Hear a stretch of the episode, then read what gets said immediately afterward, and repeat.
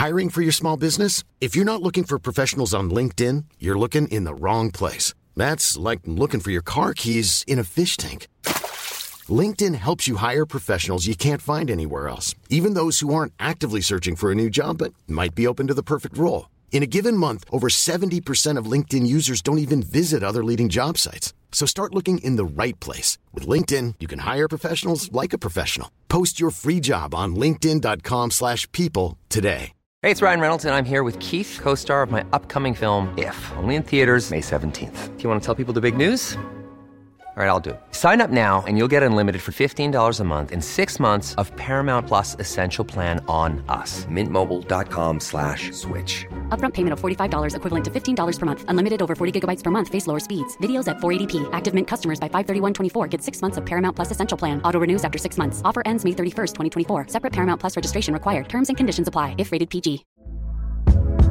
Hey there, it's Michelle Norris. I'm host of a podcast called Your Mama's Kitchen. When I travel, I'm usually looking for a way to find a taste of home when I'm not at home. And one of the things I love to do when I am at home is entertain. And Airbnb allows me to do that. When I was in California recently, I rented a house that had a great kitchen. And when we were sitting around the table, we're all thinking, we're in someone else's house. Someone could be in all of our homes as well. If you have a home, but you're not always at home, you have an Airbnb. Your home might be worth more than you think. Find out how much at airbnb.com/slash host. Helt siden de første menneskene slo seg ned i Trøndelag, har det blitt observert underlige lys over Hessdalen. Fenomenet har blitt forsøkt bortforklart som syner sett av bygdetullinger og deliriske hallusinasjoner forårsaket av den lokale drikkekulturen. Men det skulle vise seg at fenomenet stakk langt dypere, når Hessdalen-fenomenet fikk verdensomspennende oppmerksomhet i ufo-miljøet på 1980-tallet. Fenomenet er fremdeles der, og det er fremdeles like uforklarlig som den gang. I 2024 kommer en podkastserie i seks deler, produsert av Project Hessdalen, som kanskje en gang for alle skal finne svar på hva som rører seg på himmelen i denne bortgjemte dalen i Trøndelag. Serien har som seg hør og bør fått tittelen A Blaze in the Northern Sky, og den kommer til din favorittpodkastavspiller i 2024.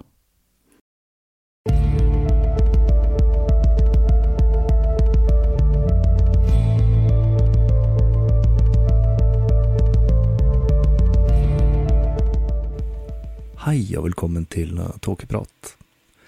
Jeg heter Even, og når jeg tar opp denne episode 223, er det tirsdag den 22. august 2023.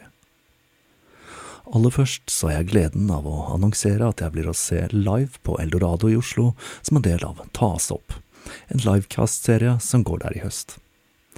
Jeg går på scenen den 22. november, og dette blir nok den største liven jeg har hatt fram til nå, med storskjerm og flotte greier så jeg håper flest mulig av dere får muligheten til å ta dere turen dit. Denne gangen er det ikke jeg som står for arrangementet, og det betyr at jeg slipper å tenke på lyd og slikt, og kan ha fullt fokus på innholdet, noe jeg personlig er veldig glad for. Billetter fås kjøpt på tasopp.no, og jeg legger ut link i sosiale medier. Jeg kommer nok til å minne dere på dette arrangementet en gang eller to til fram til november. Jeg har allerede en god idé om hva jeg skal snakke om den kvelden, og jeg tror det er god grunn til å glede seg. Og så skal jeg bare komme med et lite personlig hjertesukk her. De av dere som følger podkasten fast, husker sikkert at jeg klarte å bli sittende fast på en betongkant med Fiat 500-en min. Etter lang, lang tid fikk jeg endelig tid på verkstedet for å lime fast lister og slikt, trodde jeg, for nå fikk jeg nettopp en telefon fra forsikringsselskapet som fortalte meg at bilen må totalvrakes fordi batteripakken er skadet, for det koster nemlig mer å reparere bilen enn det den er verdt. Sånn er det nå en gang, men nå skal vi over på dagens tema. I årenes løp har jeg fått flere forespørsler om å foreta et dypdykk i livet og oppfinnelsene til Nikola Tesla. Jeg har lest flere biografier om mannen tidligere, og jeg har hatt han på lista et tema en stund. Tesla er omgitt av et skjær av mystikk, noe som har gjort han til en favoritt både blant entreprenører som Elon Musk og New Age-miljøet, som mener at mannen var i besittelse av kunnskap som ville ha endret samfunnet vårt om ikke skumle bakmenn holder kunnskapen skjult fra oss. Og nå er tiden inne for å grave seg ned i historien, myten og mannen her i Tåkeprat. Jeg bestemte meg for å hive meg over enda en biografi om Tesla i arbeidet med denne serien, og jeg endte opp med Wizard, The Life and Times of Nikola Tesla av Mark J. Safer fra 1996, da dette virket som en grundig gjennomgang av livet til Tesla, og ikke minst så er denne biografien kronologisk, sånn at det er en god bok å bruke når jeg skal følge livet til oppfinneren fra vugge til grav. I arbeidet med denne serien kommer jeg til å støte på noen utfordringer ikke minst på det tekniske. For uh, tro det eller ei, jeg er ikke en ingeniør, og jeg har bare en grunnleggende forståelse av strøm. Selv, og det må sies at jeg har det privilegiet av å kjenne til fysikken som ble oppdaget etter Tesla, og som har revolusjonert verden i etterkant. For vi må jo kunne si at det har skjedd en ting eller to på fysikkfronten siden han døde i 1943. I utgangspunktet skal jeg forsøke å holde meg mest mulig til selve livshistorien til Tesla, og styre unna mest mulig tekniske detaljer, med mindre det er tvingende nødvendig for historien.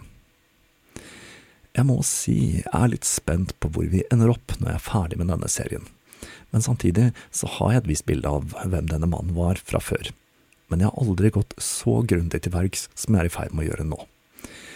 Så hvem vet hva som vil komme frem om denne underlige fyren som var så besatt av strøm og duer. Og da tror jeg vi bare gyver løs på historien om Nikola Tesla.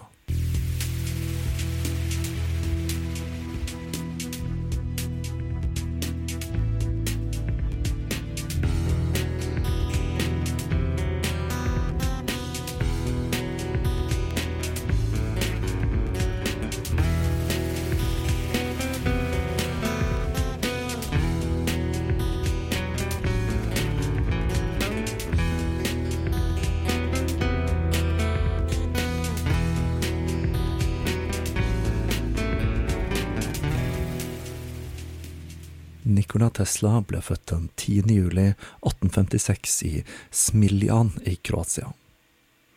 Han var det fjerde barnet til Milutin og Duka Tesla. Teslas far, Milutin, hadde begynt karrieren i det østerriksk-ungarske militæret i tenårene, men han fikset ikke militærlivet. Milutin var som Märtha Louise hypersensitiv, og når han ble kritisert for ikke å polere messingen på uniformen godt nok, fikk han nok, sa opp og satset heller på en karriere som prest. I tillegg skrev han poesi og var politisk aktiv. Moren, som ble født i 1821, var den eldste datteren i en søskenflokk på åtte, og hun hadde en forholdsvis tøff oppvekst, kan vi si for hele familien hennes døde av kolera når hun var 16, og hun fikk oppgaven med å organisere begravelsene. Det at hun hadde litt å henge fingrene i i oppveksten, gjorde at hun aldri hadde lært seg å lese. Men til gjengjeld så lærte hun seg en rekke serbiske dikt og lange deler av Bibelen utenat. Slekten til Tesla kunne skilte med en rekke fremtredende personer i presteskapet og militæret, og flere hadde høyere utdannelse. Selve navnet Tesla er et yrkesnavn, som for eksempel Knut Bonden på norsk. Jeg må si det var det eneste og beste eksempelet jeg kunne komme på, så dere får ha meg unnskyldt det der. Navnet Tesla refererer til en type bredbladet øks til tømmerhogst, og familien hadde visstnok fått dette navnet fordi tennene deres lignet på dette redskapet. Familien bodde i Senje de første åtte årene, og Teslas tre yngre søsken, Danny, Angelica og Milka, ble født, før de flyttet til Simlian, kun én mil fra Gospik, som var farens fødeby. Familien flyttet hit etter at Milutin hadde steget til gradene i kirken og hadde fått seg en ny menighet som talte hele 40 familier.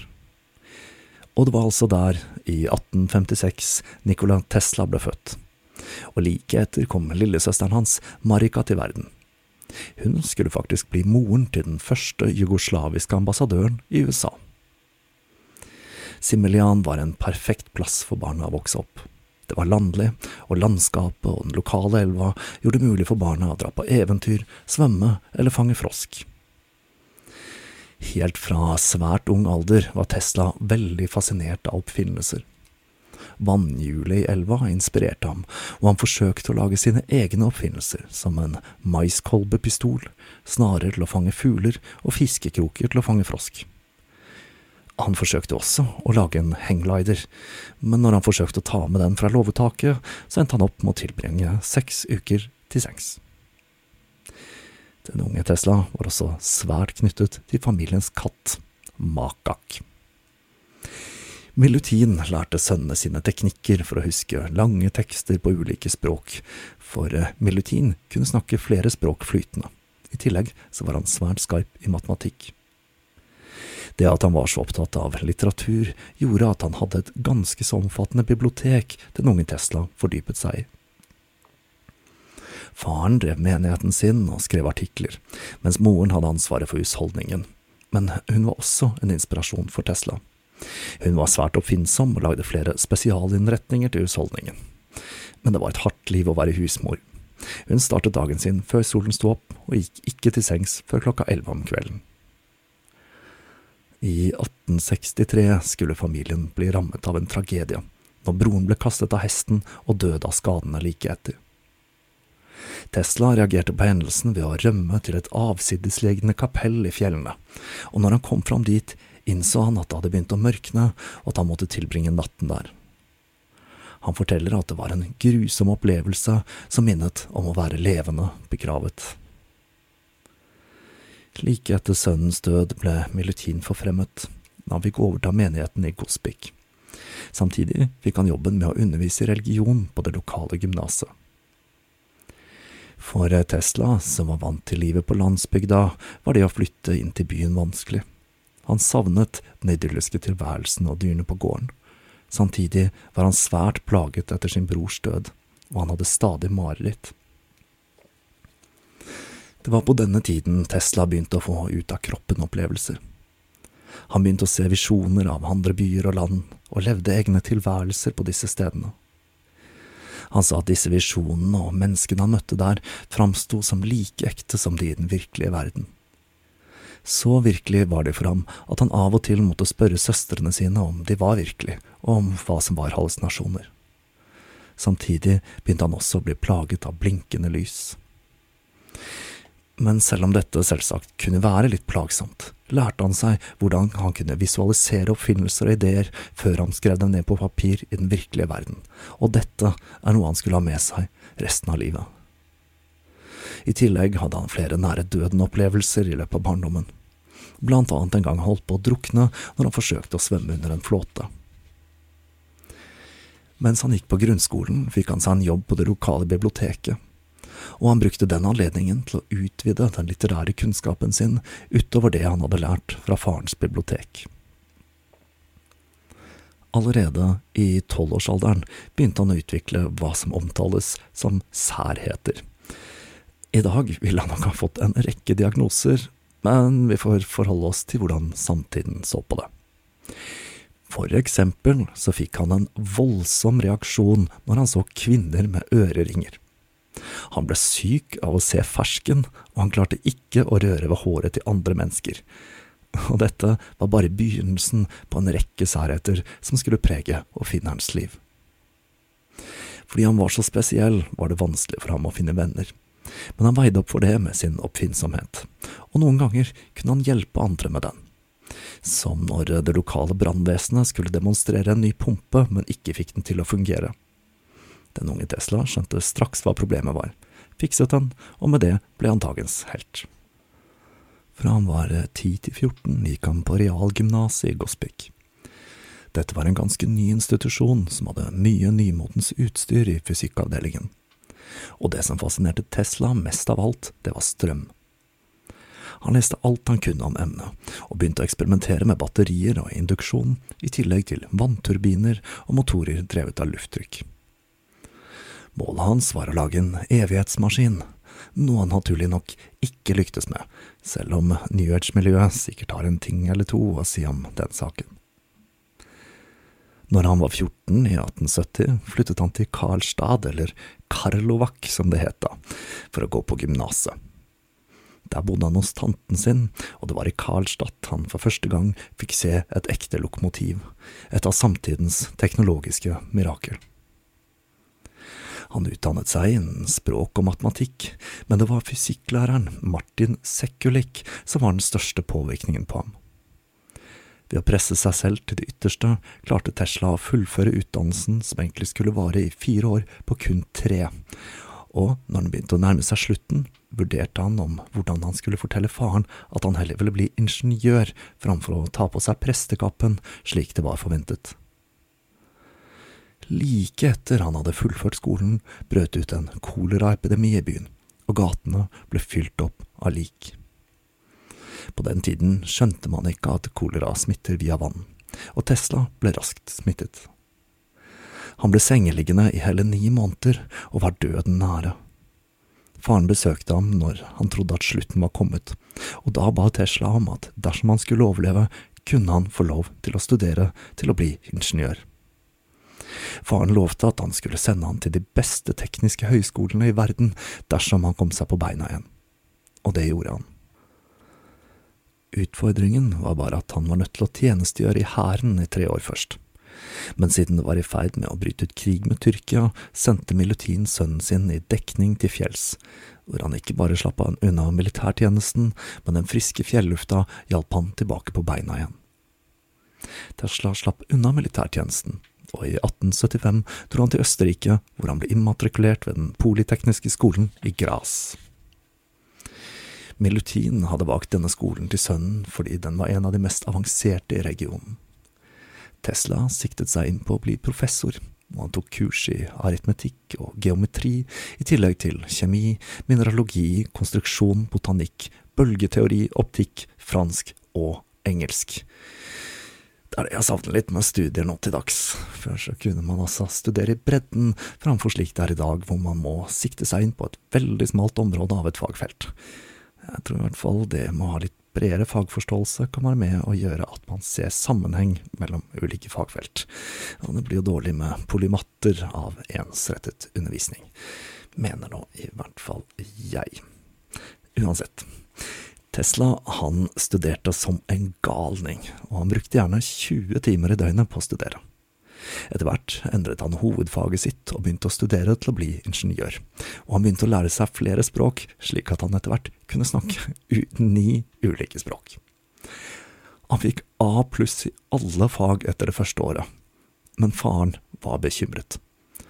Han forsøkte å få gutten tilbake til Gospic, for lærerne til Tesla hadde tatt kontakt med faren og advarte ham om at de var redde for at gutten skulle kollapse siden han studerte så intenst.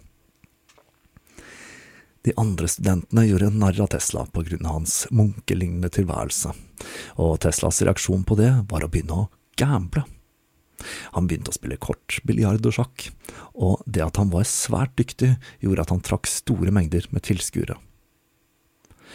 Fysikkavdelingen hadde fått tilsendt en dynamo fra Paris. Denne dynamoen var utstyrt med en kommutator, eller en strømvenner. Dette er en enhet som ved hjelp av kobberlameller og kullbørster endrer vekselstrøm til likestrøm. Og akkurat dette er veldig viktig for historien om Tesla. Dynamoen Tesla så på, produserte vekselstrøm, eller AC, alternating current, og kommutatoren omdannet denne til likestrøm, eller DC, direct current. I vekselstrøm beveger strømmen seg begge veier, mens i likestrøm går den i én retning. Når Tesla så på demonstrasjonen av dynamoen, var man nødt til å omdanne vekselstrøm til likestrøm for å kunne utnytte energien. Teslas første intuisjon når han så dette, var at kommutatoren var unødvendig. Han sa dette høyt i timen, og dette resulterte i at professor Porschel brukte resten av timen på å forklare hvorfor Teslas idé var en umulighet. Tesla på sin side skulle bruke de neste fire årene av sitt liv på å bevise at Porschel tok feil, Sta er vel et ord som kan brukes for å beskrive Tesla. Når Tesla begynte på det tredje studieåret sitt, var han veldig frustrert. Han hadde for lengst dratt fra sine medstudenter faglig, og han begynte å kjede seg.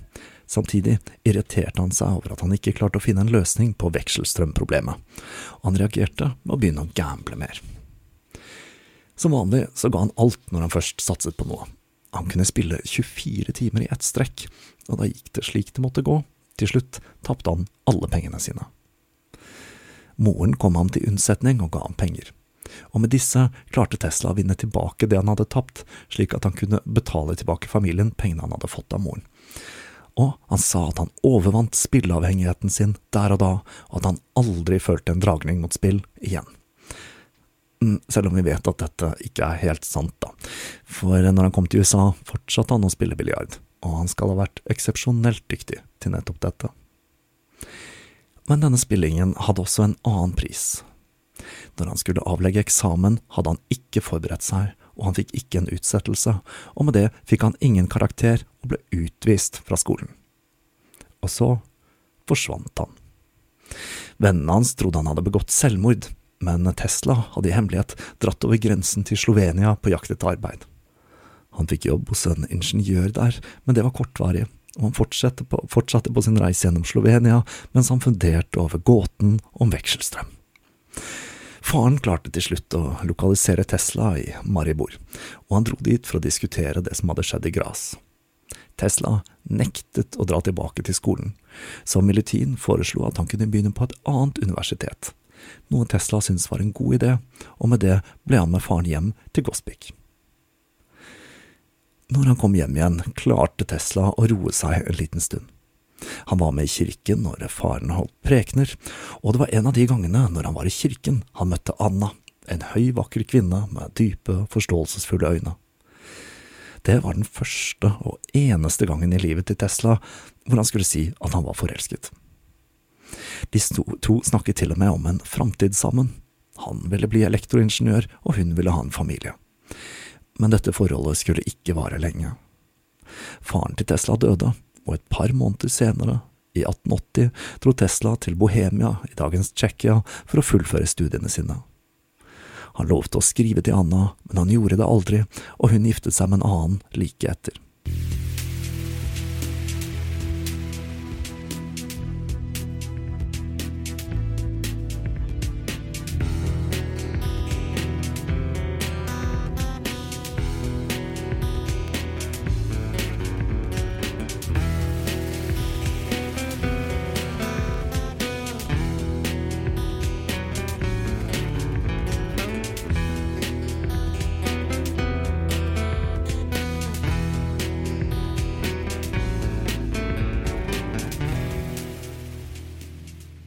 Tesla ble innmatrikulert ved Charles Ferdinand-akademiet ved universitetet i Praha, som var en av de fremste institusjonene i Europa.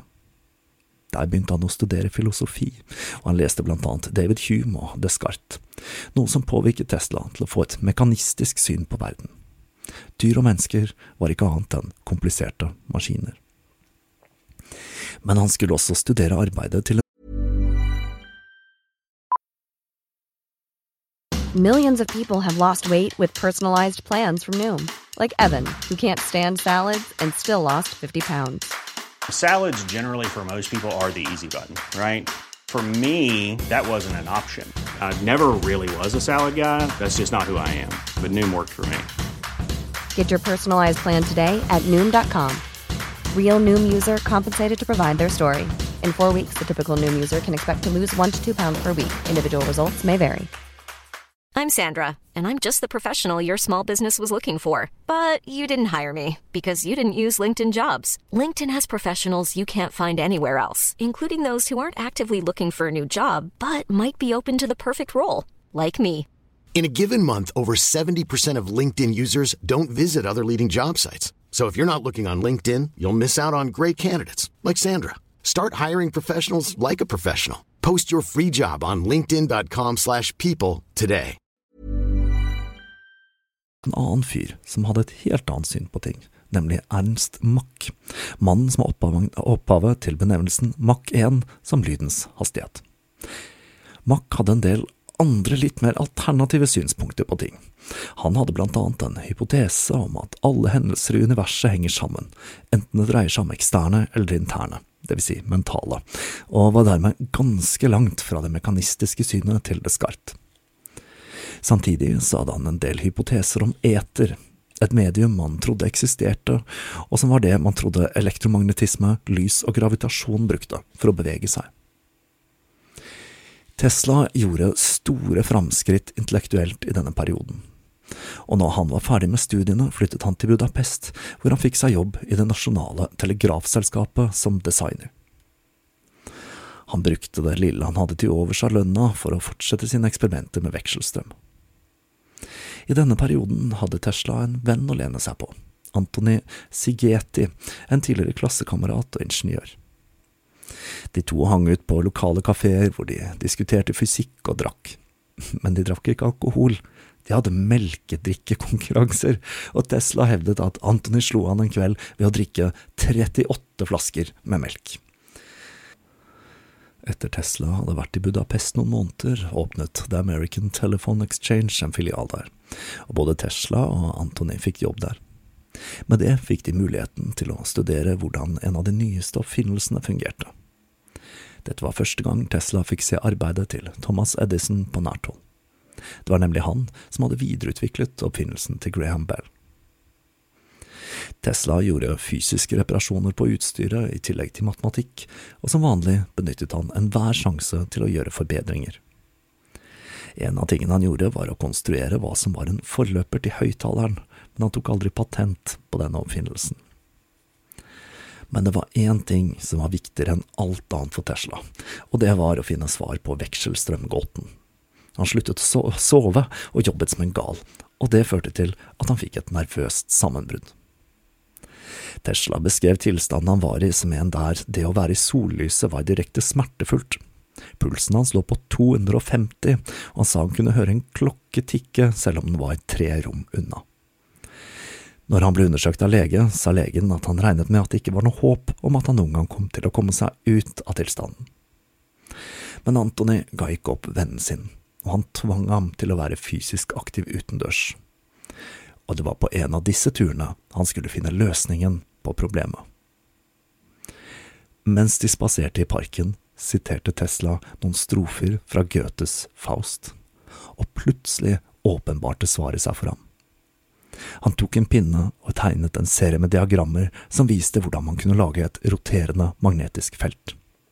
I Teslas konstruksjon brukte man to kretser som var ute av fase med hverandre, og som dermed kunne overføre en kontinuerlig strøm med elektroner, uavhengig av om de var positive eller negative. Det som jo er ganske fantastisk, og som gir denne fortellingen et ekstra skjær av mystikk, er at han fant opp teknikken som skulle elektrifisere verden, mens han siterte et dikt som handler om en pakt med djevelen. Tesla kom seg raskt igjen etter denne åpenbaringen, og han brukte de neste to månedene på å utvikle en rekke motorer basert på det nye systemet han hadde utviklet. Han beskriver det hele som om han var i en euforisk tilstand, der det eneste som hindret ham, var, var hvor raskt han klarte å skrive ned ideene som fosset inn. Tesla var ikke den første som hadde hatt ideen om et roterende magnetfelt. Og like etter Tesla hadde tegnet ned sin oppfinnelse, hadde professor Galileo Ferraris fra Italia en lignende idé. Men til tross for dette skilte Tesla sin modell seg ut ifra de andre ved at denne var mer utviklet og var konstruert for å kunne overføre store mengder med energi. Ferenc Puskas, som var den som hadde ansatt Tesla, spurte om han og Anthony var interessert i å hjelpe broren hans, som jobbet for Edison Lightning Company i Paris, og Tesla kastet seg over denne muligheten. Tesla dro fra Budapest til Paris i april 1882, og gledet seg til muligheten til å møte nye skarpe hjerner fra Amerika. Og ikke minst så gledet han seg til en mulighet til å finne investorer til sin nye oppfinnelse. Det Paris Tesla dro til, var Paris i sin La Belle. Det var verdens senter, ikke bare for mote. Paris var en smeltedigel, der strømninger som symbolismen, impresjonismen, art nivå, dekadansen og ikke minst utallige okkulte bevegelser røret seg sammen og skapte en herlig ny suppe. Sjefen for Kompani Continental Edison i Paris var Charles Batchelor. Han var opprinnelig fra England, men under et besøk i USA hadde han blitt kjent med Edison, og han ble raskt en av hans nærmeste medarbeidere. Charles hadde jobbet med den første fonografen og med å perfeksjonere filamentet i lyspæren sammen med Edison. Han hadde nettopp kjøpt en stor fabrikk i Ivry-sur-Seine, hvor han startet opp produksjonen av generatorer og lyspærer. Planen var å elektrifisere Europa med et nett av kraftstasjoner og Edisons belysningsteknologi. Allerede etter kun et halvt år produserte Bachelors europeiske fabrikk bedre produkter enn de som ble laget i statene. Og det var ved Ivry-sur-Seine Tesla ble ansatt og fikk opplæring i Edisons teknologi. Teslas dag startet 05.00. Han startet med en svømmetur i Seinen før han jobbet på Edisons fabrikk. Og om kvelden spilte han biljard med kollegaene og diskuterte vekselstrøm. Og all fritid utenom det gikk med til å jobbe videre med oppfinnelsen og drømmen om en vekselstrømrevolusjon. Tesla slet fremdeles med anfall av hodepine og lysglimt. Han skrev, Det føltes ut som om hjernen min tok fyr. Jeg så lys som om jeg hadde en liten sol der inne, og disse lysfenomenene manifesterte seg fra tid til annen.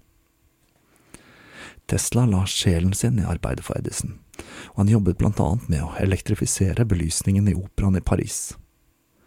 Mot slutten av året la han fram en plan for en i ledelsen i selskapet, Mr. Rau, for å forbedre dynamoen til Edison. Mr. Rau tok imot planene med glede, og de ble implementert men Tesla ble skuffet.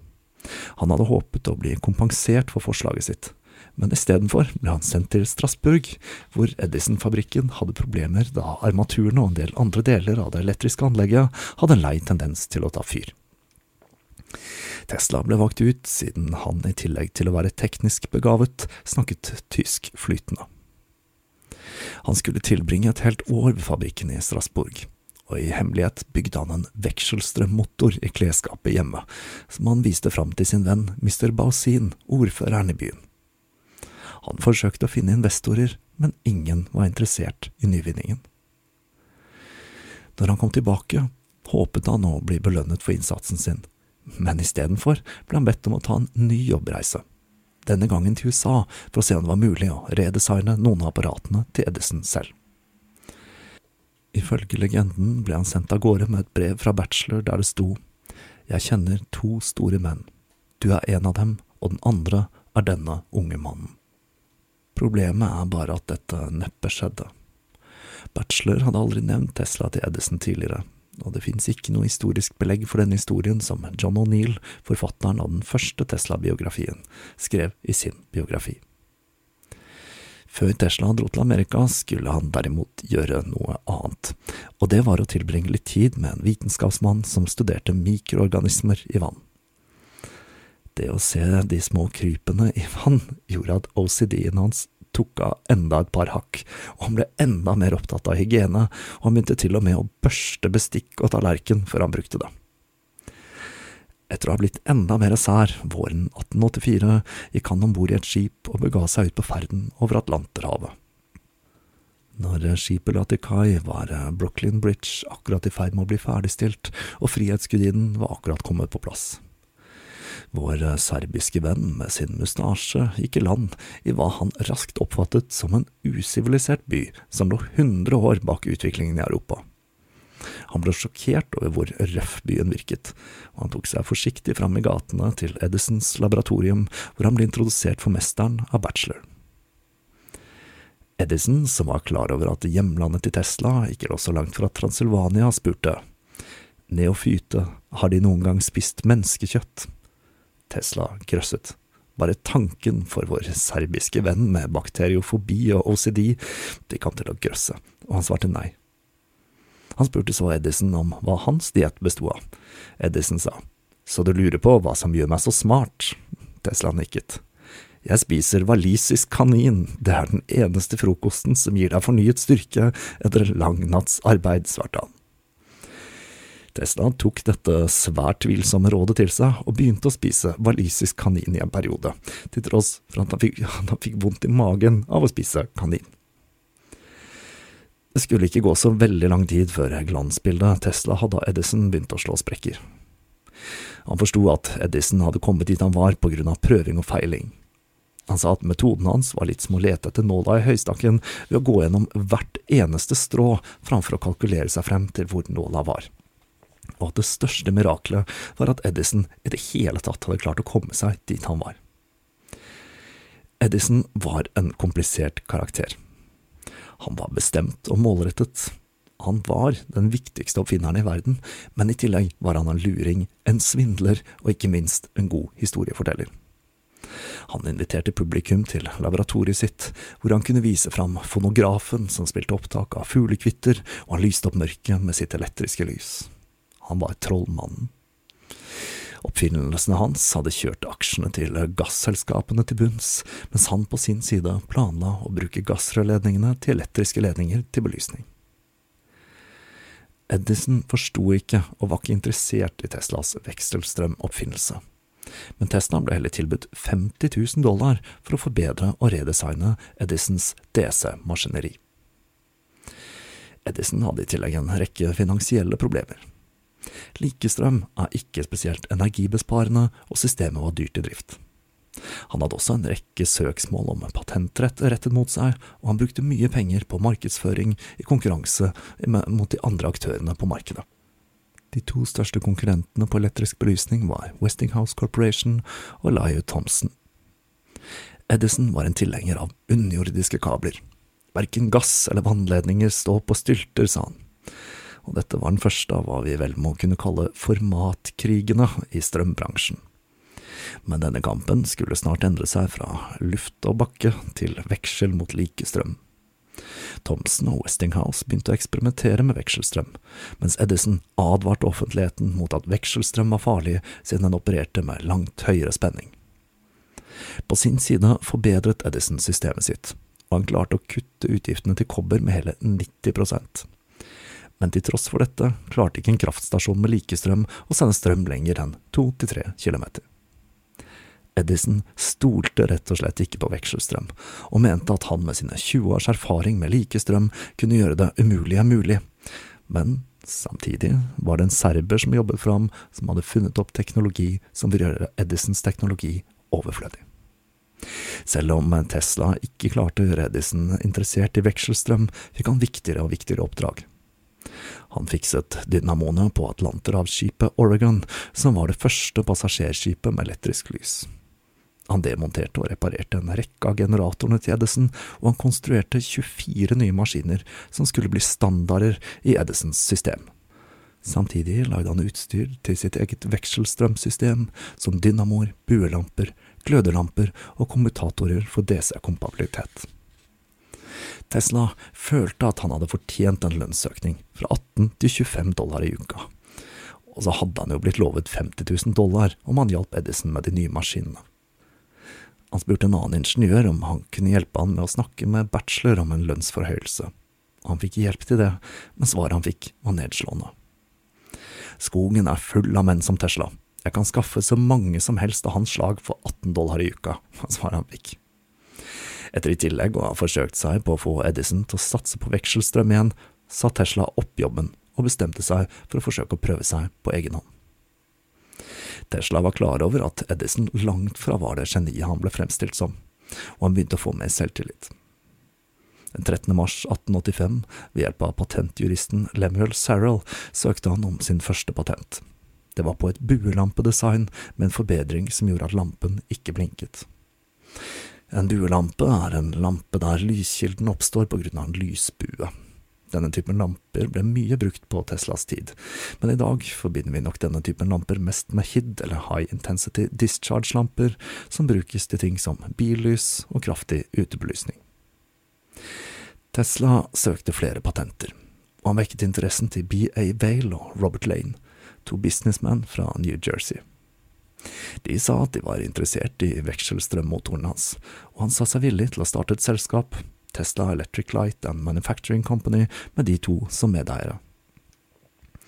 Han fikk litt penger mellom hendene og flyttet inn i en leilighet i Manhattan med hage. Men New York var fremdeles usivilisert, så når han pyntet hagen med kuler i farget glass, ble disse raskt stjålet av nabolagets unger men det skulle vise seg at kompanjongene hans slett ikke var interessert i vekselstrøm, og Tesla ble tvunget ut av selskapet mot en andel av aksjene, og han gikk bankerott. Vinteren 1886–87 var særdeles hard for Tesla, som måtte livnære seg som grøftegraver. Men om våren begynte ting å se litt lysere ut når han ble introdusert for Alfred S. Brown. Han var en prominent ingeniør, og han ble svært interessert i ideene Tesla hadde om vekselstrøm. Han presenterte ham for Charles F. Peck, en velstående advokat. Charles visste at vekselstrøm hadde en del utfordringer, og spurte om hvorfor Tesla mente det var verdt å satse på oppfinnelsene hans. Tesla tok mot i seg og spurte om Charles hadde hørt om Columbi Egg. Historien går slik at Columbus klarte å få en audiens med dronningen av Spania fordi han klarte å få et egg til å stå på høykant ved å kakke det forsiktig i enden. Planlegger du å få et egg til å stå på høykant, spurte Charles nysgjerrig. Ja, men uten å knuse skallet, sa Tesla hemmelighetsfullt. Om jeg klarer dette, vil du innrømme at jeg er bedre enn Columbus, og vil du støtte meg på samme måte som dronning Isabella støttet ham, sa Tesla. Jeg har ingen kronjuveler å pantsette, men jeg har et par dukater jeg kan avse, svarte Charles, spent på hva Tesla hadde i tankene. Tesla dro til den lokale smeden med et hardkokt egg. Han fikk det belagt med jern og messing. På laboratoriet konstruerte han en sirkulær innhegning med polyfasekretsløp rundt det hele. Når han plasserte egget i midten, begynte det å spinne raskere og raskere til det sto oppreist og på den måten slo han Columbus, og samtidig fikk han vist Peck-prinsippet bak det roterende magnetiske feltet. Charles Peck brukte kontaktene sine til å skaffe til veie finanser, og de ble enige om å dele patentene 50-50. Den første av fem patenter ble søkt om i april 1887, og nå var Tesla i gang. Dette ble det første skrittet i en strøm av oppfinnelser som skulle komme fra mannen i de neste 15 årene. Tesla gjøv løs på arbeidet i et tempo som skremte de som var rundt ham. Han jobbet ofte til han kollapset. Han konstruerte tre komplette systemer drevet av vekselstrøm, og eksperimenterte med flere andre. I tillegg til systemene selv utviklet han flere teknikker, slik at de ulike systemene kunne brukes sammen. Antony kom tilbake til USA i mai, og han ble ansatt som Teslas assistent. Ikke lenge etter kom redaktøren i Electrical World, TC Martin, innom laboratoriet. Han overtalte Tesla til å skrive sin første artikkel om vekselstrøm, og denne TC Martin skulle spille en viktig rolle i livet til Tesla. Han var presidenten for American Institute of Electrical Engineers, eller AIEE, e, og han skjønte at Tesla var en visjonær som var i ferd med å endre bransjen for all tid. Han forsøkte å overtale Tesla til å holde en tale for AIEE e om oppfinnelsen sin. Og Tesla gjorde det, for han likte TC Martin. Men han visste også at han burde holde kortene tett til brystet. Han visste nemlig at oppfinnelsen hans var verdt hundretusenvis av dollar, og at han enda ikke hadde funnet en kjøper, selv om flere var interesserte. Tesla åpnet foredraget med følgende ord. Jeg har gleden av å fortelle dere om et unikt system for distribusjon og overføring av kraft med vekselstrøm, som jeg er overbevist om at vil med sin overlegne tilpasningsevne oppnå resultater som tidligere var uoppnåelige. Etter foredraget fikk forsamlingen en demonstrasjon i Teslas laboratorium. Alt endret seg med Teslas oppfinnelse. Elektrisitet som tidligere kun kunne fraktes noen skarve kilometer, kunne nå fraktes milevis, og der likestrøm kun var egnet til belysning, kunne vekselstrøm drive husholdningsmaskiner og industrielt maskineri. Tesla holdt fremtiden i sine hender.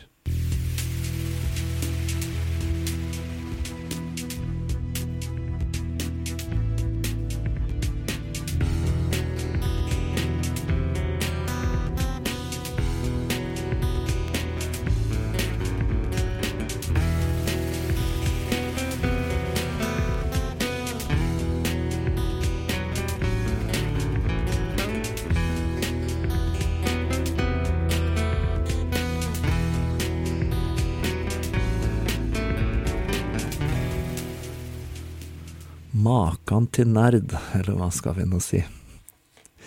Jeg håper jeg ikke har tatt helt livet av dere med de tekniske detaljene her, men akkurat denne likestrøm-vekselstrømkrigen er temmelig sentral i historien om Nikola Tesla.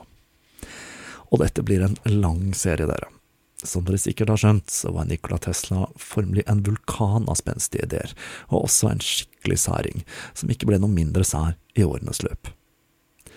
Og med det tror jeg vi bare avslutter denne delen, mens jeg funderer på hvordan jeg skal løse transportutfordringene etter bilen min ble vraka. Enn så lenge vil jeg takke alle som støtter podkasten, enten det er på Patrion eller på andre måter. Og jeg vil minne dere alle om den forestående liven i november. Jeg mistenker den kommer til å bli storveis. Vi høres igjen om ikke lenge.